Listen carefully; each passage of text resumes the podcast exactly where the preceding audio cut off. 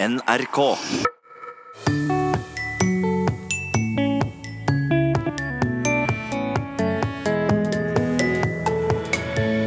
John F. Kennedy sa i 1963. Ich bin ein Berliner. 2000 år tidligere sa Paulus. Kivis romanus sum. Lov og rett er tema i Språkteigens latinskole i dag. Rundt forbi er et typisk sørlandsuttrykk. Men er dette i ferd med å spre seg, spør lytter. det, det, det har skjedd noe.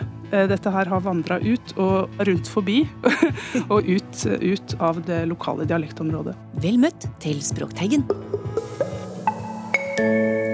Vi starter med noe mange har, ja, rett og slett hatt mellom henda. Det brukes nok ikke så mye som før, men personlig så hadde jeg en anselig samling av det i pennalet da jeg gikk på skolen. Jeg prater om viskelær, eller som vi sa der jeg vokste opp, pussegummi. Og det samme sier 16 år gamle Ida Marie Myklebust som vokste opp på Kongsvinger.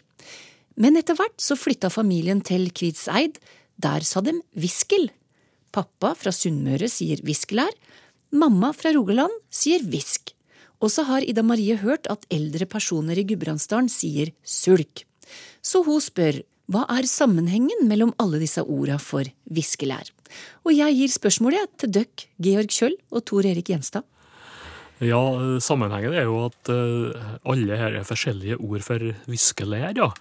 Så her har jo Ida Marie eh, lært seg en god del ordgeografi allerede. Ja. Og eh, det er noe interessant at eh, det faktisk blir en ordgeografi på en slik ting som det der. Så dialektgrensene, de, de lever jo på et vis også inn i vår tid. At du ser at forholdsvis nye ting der blir det grenser. Eh, Så når det gjelder de forskjellige ordene her, da. eh, Pussegummi, eh, det er jo et østlandsord i tradisjonell dialekt. Eh, Toten, blant annet.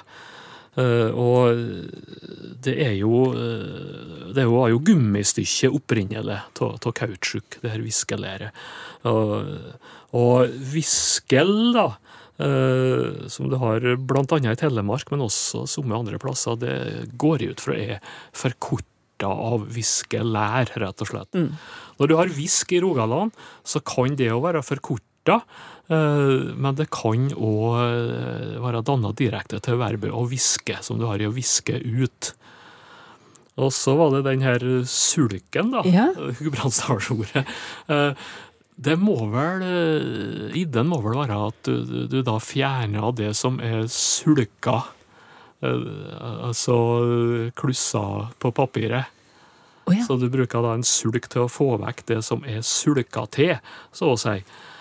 Eh, svensk eh, heter suddgummi, ja.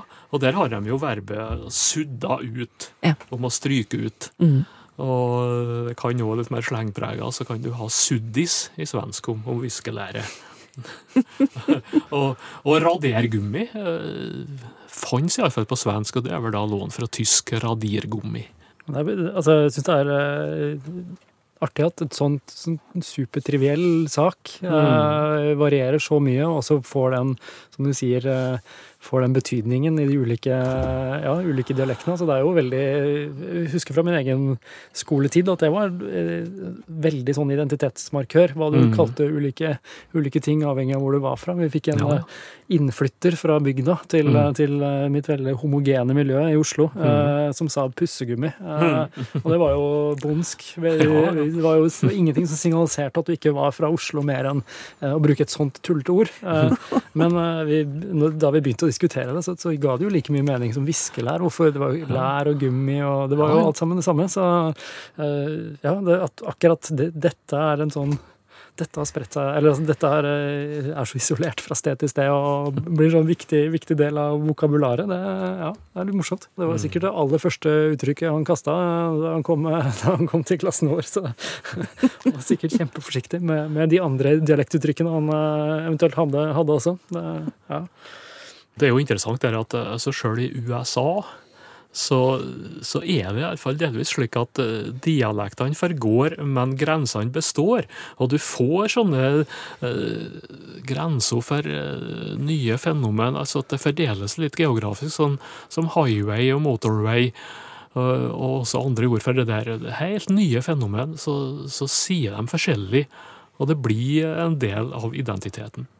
Det klassiske eksempelet på engelsk eh, fra ulike regioner er jo eh, fortau. Eh, Mm. og vi, altså, vi har jo også Hvorfor sier vi fortau på, på norsk og trottoar på, på, Mm. på svensk? Hva, har det, hva sier det om vår historie og vår identitet? Og Ja, snakker om sidewalk og Mm. eh, Pavement? Eh, ja, payment og, og, ja, det, og det gir ingen mening for noen av dem. Kommer du fra New Zealand til England eller fra England til USA, så er det jo helt uforståelig at det går an å kalle det for sidewalk. Er det mulig?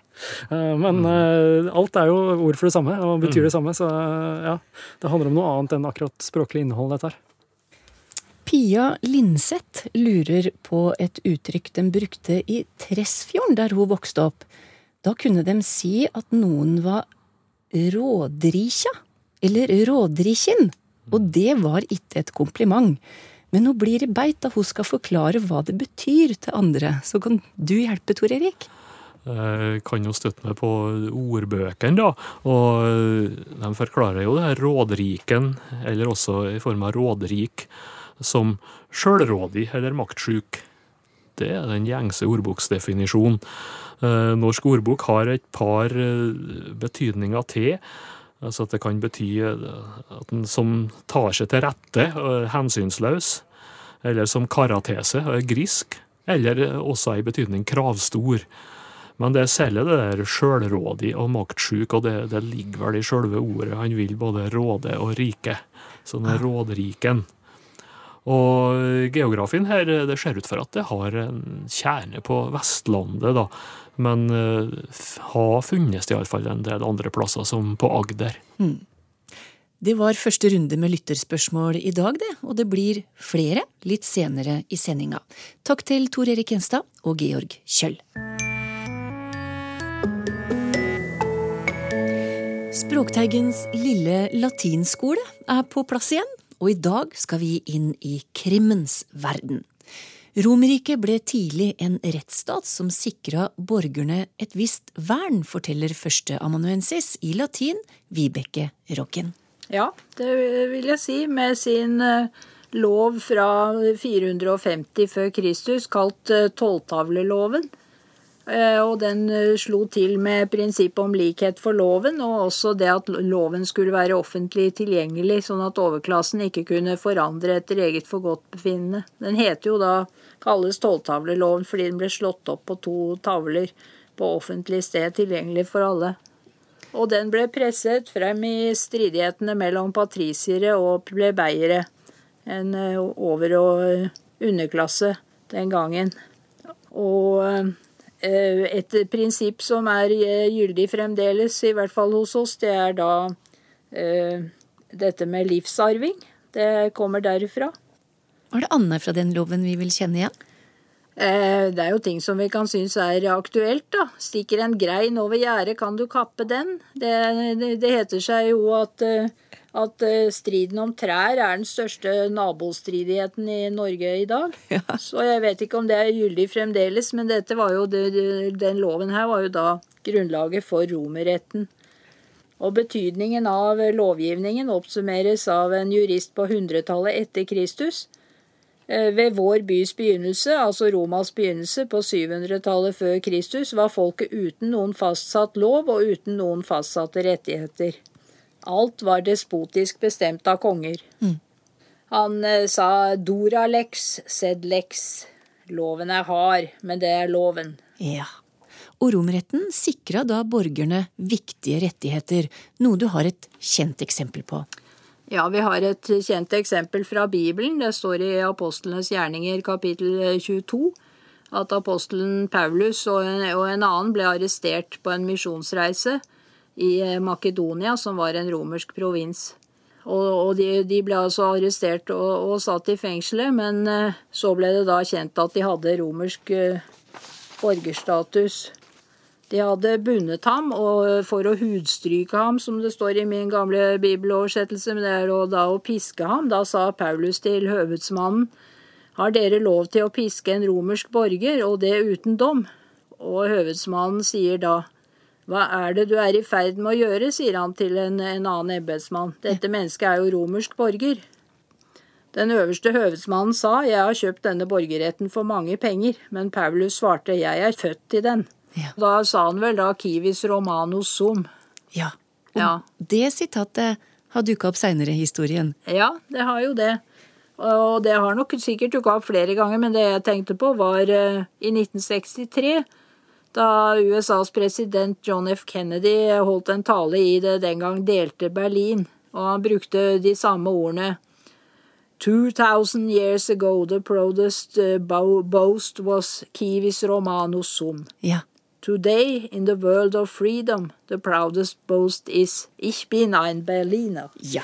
Men da kan vi ta for oss noen ord, Vibeke. Og detektiv, det er jo noe vi fort forbinder med krim. Ja, det er jo det. Ja. Så eh, det kommer av et latinsk verb detegre og avdekke. Tegre er å dekke, og detegre avdekke. Så en detektiv er en som avdekker eller avslører noe, da. Men Dum- selve ordet krim har vi kanskje ikke nevnt. Nei? Nei, krimen, og i bøyningen får den inn den i-en, det betyr forbrytelse. Og når det handler om krim, så er det jo ofte noe som er litt suspekt. Det er det. Ja. Så eh, engelsk har jo da sitt ord suspicion eh, fra latin. Suspicere, som er å se noe litt, eh, litt nedenifra og mistenke noe. Det handler jo fort om død, da, innafor eh, krimfeltet. Og vi kan ta Ja. et sånt eh, ord som Eller post mortem. Ja, det betyr etter døden. Så på engelsk Vi bruker vel ikke det så mye på norsk kanskje om, eh, om det som ofte kalles en obduksjon, men på engelsk heter det vel post mortem. Og mors er jo da død. Og post betyr enten etter eller bak. Så, og obduksjon er også latin. Ja. Obductio, av verbet obdokere, som betyr å skjule eller de eh, dekke til. Og jeg har eh, prøvd å undersøke hvorfor det heter det, for Ja. det er jo nettopp det å åpne et, eh, et dødt, dødt legeme som skjer under en obduksjon, eller det er i hvert fall første del av det. Så det må være på en eller annen måte en eufemisme, altså å si noe litt penere enn det det er, for å dekke til den stygge realiteten. Det kan være fordi dette faktisk var forbudt i mange århundrer også. Mm. Et annet ord for det samme er eh, på engelsk er autopsy. Og det kommer av gresk autos selv og opsis som betyr syn. Så eh, undersøke ved selvsyn. Nå har vi prata mye om ord rundt sjølve forbrytelsen. Så havner det som en sak i rettssalen. For eksempel, en sikta får fort en advokat. Ja, advokaten tilkalt, altså for å bistå en eh, klient. Som også er latin, av kliens, og der kommer også da en T inn i, i bøyde former. En klient. Som betyr Eh, Det er egentlig det systemet med patron og klient i, i Romerriket. Hvor en eh, f.eks. en hærfører, hvis du hadde vært soldat så, og ble pensjonert soldat, så skulle den hærføreren fortsette å støtte deg, og du skulle gjøre tjenester for han, f.eks. å stemme på han hvis han ville bli valgt til noe. Men du fikk da til gjengjeld noen gaver og kunne møte opp om morgenen og få disse gavene. Så da var du klient. eh, advokat, sa du, men der er det òg en aktor. Ja da, det er den som handler, eller den som gjør noe. Og det heter aktor på latin også, det er bare at det skrives med C. Så det er den som bevisbyrden hviler på. Eh, dommer er gjerne i rettssalen. Ja. eh, Det heter judex, så, og en rettssak heter judicium. Jus har vi jo fra latin, så det betyr rett. Og det i bøyde former blir det en R. Juris. Doktor juris har man jo hørt. Nettopp. Og en jurist. Så den R-en kommer fra latin også. Det er en språkhistorisk ting om at en S mellom to vokaler ble til en R i forhistorisk tid. Akkurat. Jeg kan jo også si dette med alibi. Mhm. Ja, det, det heter det på latin også, det er bare at vi legger trykket litt annerledes. Alibi. Ja. Og kan du gjette hva det betyr? Nei. Det er det vanlige ordet for et annet sted. Så ja, nettopp. Har du alibi, så kan du bevise at du var et annet sted. Eller omvendt, altså du var et annet sted. Ja. Ja. Og så er det gjerne vitner i en rettssak. Ja. På latin heter det testis. Og vi, Vi kjenner det vel igjen fra engelsk 'to testify', f.eks., og bevitne noe. Ja. Vi kan avslutte med noen sitater innenfor området krim, f.eks.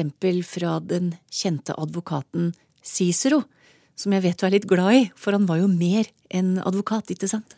Cicero var en veldig evnerik mann. Han levde på samme tid som Cæsar ble født litt før år 100 før Kristus. Fikk en god utdannelse, og eh, utdannet seg da til taler, som var en veldig viktig studieretning i den tiden. Fordi det, det var jo et samfunn basert i stor grad på muntlighet, så da kunne man da bli advokat. Man kunne bli politiker. Mm. Det var også viktig hvis man skulle gå, bli offiser og kunne tale til soldatene med kraftig stemme og, og fengende innhold og form på det talen sin. Så han ble jo da advokat, og etter hvert også politiker. Og forfatter. Veldig aktiv skribent. Og målet, altså ciceroniansk latin, har vært målet for god latin i foreløpig i over 2000 år. Ja, Og han sa blant annet om loven Sumum jus, summa injuria. Den høyeste rett er den høyeste urett. Faren ved overdreven rettsanvendelse. Bokstavtro tolkning. Hm. Han har også en annen. Inter arma silent leges. Mellom våpnene tier lovene stille. Ja, mellom våpnene tier loven stille. Sitat av Cicero. Takk til deg, Vibeke Roggen, lærer i vår lille latinskole og førsteamanuensis i latin ved Universitetet i Oslo.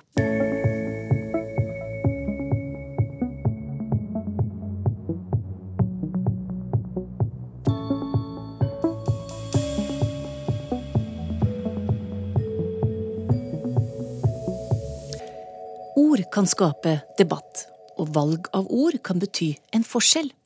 I vår siste sommervisitt hos Store norske leksikon skal det handle om et slikt ord. Som vi har hørt på tidligere besøk, så ryddes det jevnt og trutt i artikla, og det var etter en slik ryddejobb det ble debatt lenge etterpå.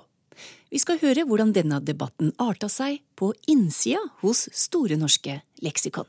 Det var en ganske hektisk uh, periode hvor uh, Store norske leksikon kanskje fikk mer oppmerksomhet enn det vi har til, uh, til vanlig. Stig Arild Pettersen forteller om da indianerdebatten raste i alle landets aviser og over mangt et kjøkkenbord i fjor høst. Det starta liksom en fredag morgen på mange måter, hvor uh, vi kom på jobb, som veldig mange andre gjør, og sjekker omtalen av oss selv i media. Og da viste det seg at uh, avisa Dag og Tid hadde slått stort opp på sin forside at eh, indianerne skulle ut av leksikonet med tittelen 'Den siste indianer'. Um, og noen tolka jo det her som en sånn skikkelig sånn Her er vi politisk korrekte og, og redde for å støte noen, og det er krenkehysteriet og alt det greiene der. I hvert fall føltes som den vinklinga fra dag og tid litt sånn. Um, og mange kan da tenke sånn Å nei, huff og huff, noen angriper oss for noe vi gjør. Det er trist. Tror vi først og fremst tenkte yes, dette er en mulighet for folk til å bli kjent med alt det arbeidet vi gjør og vi ønsker å nå ut med. Så det var, det var da det starta.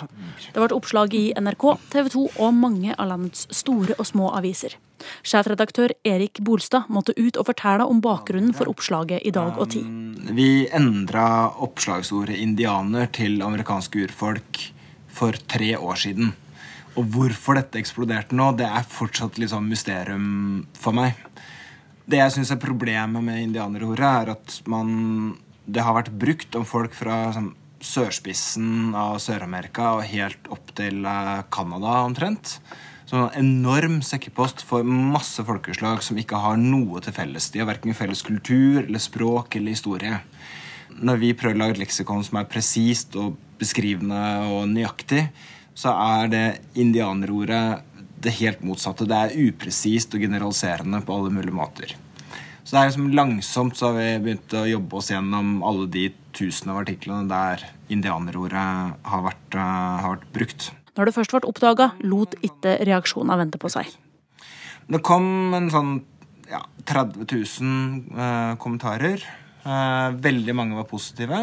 Um, på et eller annet vis. Og så kom det ganske mange sinte reaksjoner fra uh, Med fare for å virke litt frekk, men det er i hovedsak litt eldre uh, hvite menn.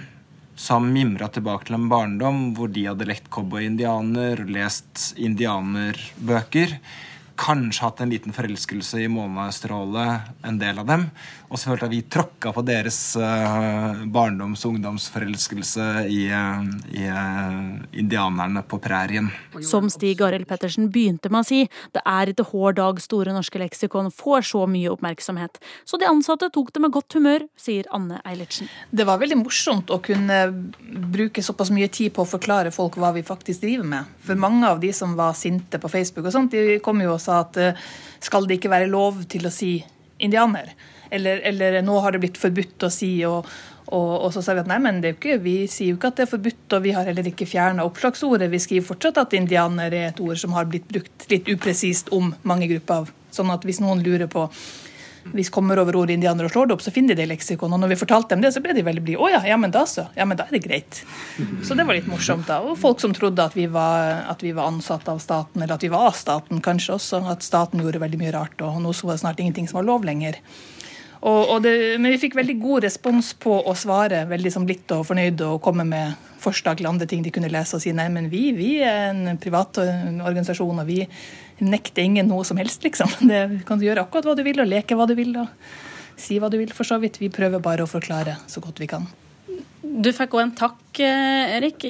Ja, vi fikk en e-post e på engelsk, og det, mye av den engelske e-posten man får, er jo spam. Og det var litt tilfeldig at jeg så at dette var en delegasjon med da amerikanske urfolk som ville gjerne komme og besøke oss og si tusen takk for at vi hadde villet øke presisjonsnivået og slutte å putte alle, også jeg, indianere i hermetegn. Det syns ikke så godt på radio. Men gjerne vil takke oss for at vi ikke kalte alle for indianere mer, men heller begynte å si at noen var en uh, Dakota eller en, ja, et av de mange andre folkeslagene. Det kom en delegasjon um, amerikanske urfolk hit før jul og sa tusen takk i en, uh, i en takkeseremoni. Det sa sjefredaktør Erik Bolstad i Store norske leksikon, og det er Helle Therese Kongsrud som har vært vår reporter på innsida. Der møtte hun òg Stig Arild Pettersen og Anne Eilertsen.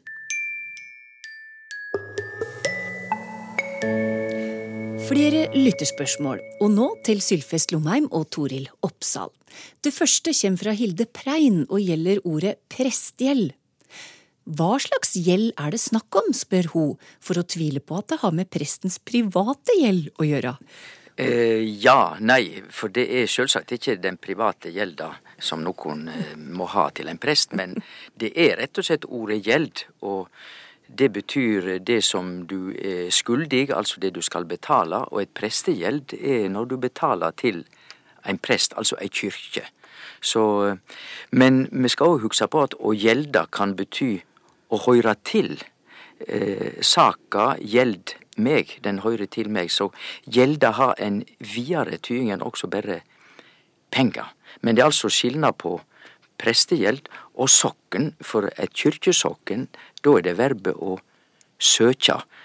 De mennesker som søker til ei kyrkje, de er altså i et kyrkjesokken. Men de som egentlig hører til ei kyrkje og må betale og ofre litt penger til ei kyrkje, da er det prestegjeld. Mm. Men de brukes vel litt om hverandre? Altså, det er et uttrykk om at uh, du har kopper fra sju prestegjeld, for de har ikke et serv helt service? Ja, ja, ja. fordi prestegjeld blir eh, Det er jo et geografisk område eh, i praksis, og det samme er et kyrkjesokken. Ja, så Det er jo nettopp det at du, du, du har mulighet til å trekke en linje geografisk rundt et område som betaler til samme prest. Mm. Så, så, der har du, har du prestegjeldet som, eh, som, en geografisk størrelse også. Mm. I de senere åra så syns jeg har merka at uttrykket rundt forbi har økt i utbredelse. Før hadde jeg inntrykk av at dette uttrykket primært ble brukt på Sør-Vestlandet, men nå hører jeg at folk sier rundt forbi langt nordover på Vestlandet og til og med på Østlandet.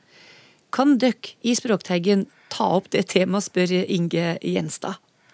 Det kan eh, Språkteigen. Yep. Veldig gjerne. Eh, her eh, er det jo fristende å se på Norsk ordbok, som har belagt uh, dette her fra hele Agder.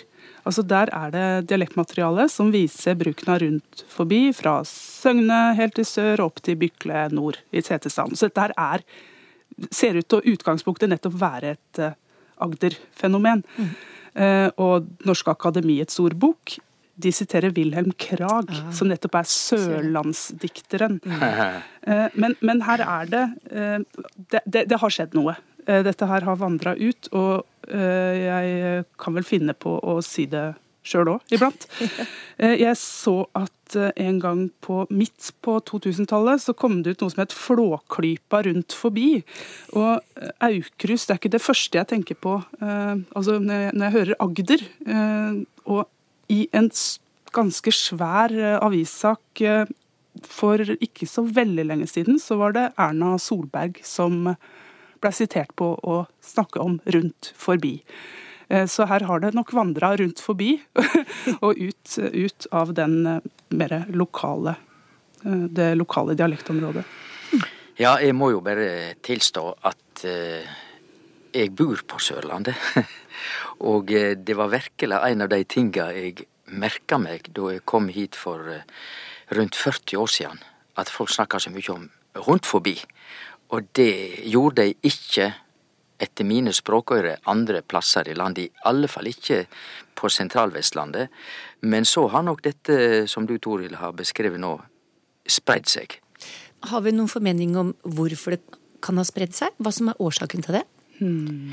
Jeg tror det er liksom at det er så, det er så greit uttrykk. Det er liksom eh, rundt og ufarlig. Det, det, det, du kan bruke det så i så mange situasjoner uten å våge altfor mye. Typisk, unnskyld, sørlandsk gemytt. Nei, men jeg tror du er, du er, inne på noe viktig her. At det, det har en uh, appell fordi det er så Det, det er litt vagt. Og så er det godt å si, og så Ja, nei, nei, nei det, er, det, er, det, er, rett og slett et godt, et godt uh, uttrykk. Ja. Hm. Solveig Holvik skriver i jula så fulgte hun en serie som er teksta på nynorsk. Og hun reagerte på at uttrykket 'han lot som' på bokmål var oversatt med 'han lost som'. Det skal vel være 'han let som'? Det er et spørsmål for deg, Sylfest. Ja, det er virkelig det. På bokmål så er det bare 'han lot som'. Mm -hmm. Men på nynorsk så kan det være 'han let som', som Solveig Holvik er inne på. Men det kan også være 'han lest som'. Og det er fordi at 'han lest som' fortid, det går tilbake til infinitiv 'lost som' og låtas som, altså. Medan han let som i fortid, går tilbake til infinitiven og lata som om. Så det er to verb på ulike verb på nynorsk med så å si samme bruksmåte. Men det er jo da et annet verb enn å lata. Selv om de, de henger sammen, så er dette her to ulike verb. Det er verbet lata og verbet lost. Ja, nettopp. Så, som, som er et eget refleksivt verb. Nettopp. Men, men, men, det er trøblete å, å, bøye dette. Veldig, veldig, veldig. veldig. Det, det er det. Men, Her er, det ikke. umulig er det ikke. Det var siste svar ut i dag, det. Takk til Sylfest Lomheim og Toril Oppsal. Språkteiken er tilbake om ei uke. Ha det bra.